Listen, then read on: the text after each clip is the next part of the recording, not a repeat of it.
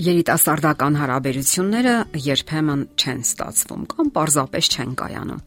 Հասկանալի է, որ բոլոր դեպքերում գոյություն ունեն բնավորության հիմնախնդիրներ, որոնք խանգարում են հարաբերությունների ընթացքին։ Իսկ երբ դրանք անընդհատ կրկնվում են, ուրեմն հարկավոր է ուշադրություն դարձնել այն սխալներին, որոնք փակ շրջան են ստեղծում։ Այսպես ասած, կախարդական շրջան, որից դուրս գալն անհնար է առանց հրաժարվելու հին սովորություններից։ Ինչպիսի հիմնախնդիրներ կան որոշ երիտասարդներ չեն կարողանում համաձայնության գալ, ասենք, նյութական հարցերում։ Ոմանք երեխա ունենալու հարցում, իսկ ոմանց համար խնդիր է, երբ տեսնում են, որ դիմացինը բռնության հակում ունի կամ էլ անտեսում է իր հոգեկան ու ֆիզիկական պահանջմունքները։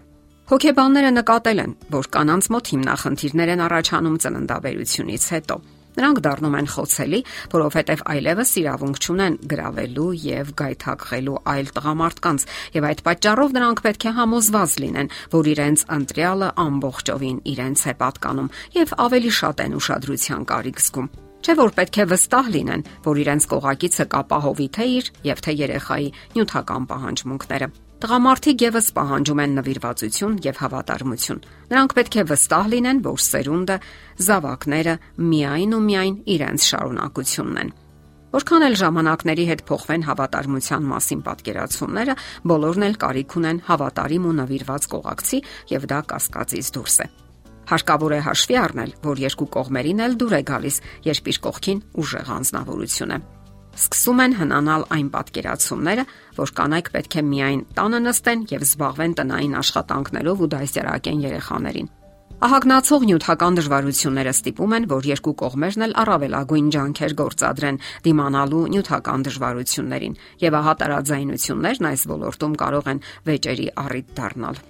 Թե հարաբերությունների կայացման եւ թե ամուսնական հարաբերություններում կարող են կրկնվել նույն իրավիճակները Նրանք նկատում են, որ որքան էլ փոխվեն տեխնացուները, կրկնվում են նույն սխալներն ու իրավիճակները։ Ուրեմն հարկավոր է փորձել հասկանալ սեփական սխալները եւ դրանք չկրկնել, ուշադրություն դարձնել հուզական ներքին վիճակներին, թե ինչպես ենք պատասխանում այս կամ այն իրադրությանը եւ դիմասինի խոսքերին։ Հարկավոր է նաեւ գնալ անկեղծ զրույցների եւ պատկերացնել, թե ինչ է կատարվում դիմասինի ներքնաշխարում, ինչպես է նա արձագանքում ամենատարբեր մտքերին ու արարքներին։ Նախամուսնական վեճերի հիմնական սցենարը այսպիսին է. Ես ճիշտ եմ, իսկ դու սխալ։ Այսպես շարունակվելու դեպքում այն տեղափոխվում է ամուսնական հարաբերություններ։ Ելքն այն է, որ կողմերը դադարեն իրենց վարքագիծը համարել միակ ճիշտը։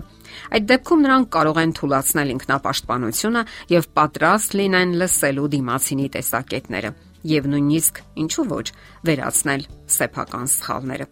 Օրինակի համար, երբ ժամադրվում են, կողմերից մեկն անընդհատ ուշանում է, մյուսը մեղմորեն զգուշացնում է, սակայն անարդյունք, ապա նորից է զգուշացնում, իսկ մյուսը կոպիտ պատասխան է տալիս։ Այստեղ կարող են լուրջ վեճեր առաջանալ։ Որքան կարող է շարունակվել այս իրավիճակը։ Բնականաբար ոչ շատ երկար, եթե հետևություններ չարվեն։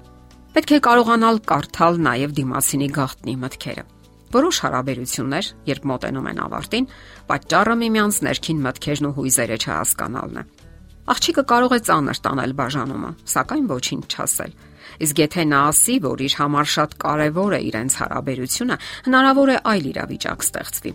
Գուցե տղային թվա, որ իր հեռանալը ոչ մի ազդեցություն չունի աղջկա վրա։ Իսկ եթե իմանա, թե որքան շատ է գնահատում աղջիկն այդ հարաբերությունները, հնարավոր են այլ տարբերակներ։ Հաշվի առնենք, որ մարդիկ հիմնականում ճունեն դիմացինի ներքին մտքերը կարդալու ունակություն։ Այո, կանայք կարող են չասել, որ վախենում են տղամարդուն կորցնել, իսկ տղամարդիկ կարող են չասել, որ իրենց անկարևոր են զգում, եւ երկու դեպքում էլ խնդիրը կտանի անկեղծության բացակայության։ Իսկ երբ նրանք բարձրաձայնում են իրենց ներքին մտավախություններն ու հույզերը, միությունը դրական ընթացք է ստանում։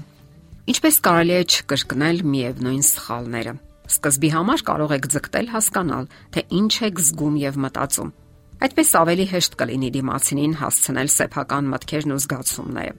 Եվ հետևելով սեփական բնորոշ հակազդեցություններին, կարող եք կարգավորել, ուղղորդել եւ փոխել դրանք, որpիսի ավելի արդյունավետ համագործակցեք։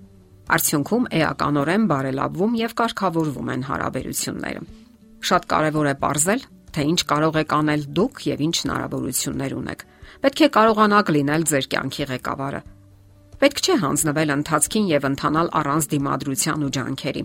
Ասենք որ կարևոր է լինել սեփական ճակատագրի տերը եւ կատարել սեփական ընտրությունն ու սեփական որոշումները։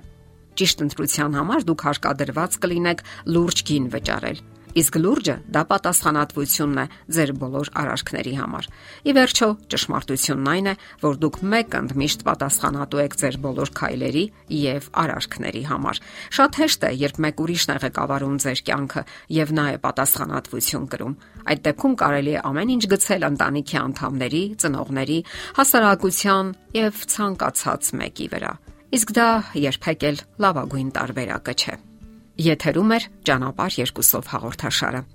Ձեզ հետ է Գեղեցիկ Մարտիրոսյանը։ Հարցերի եւ առաջարկությունների համար զանգահարել 033 87 87 87 հեռախոսահամարով։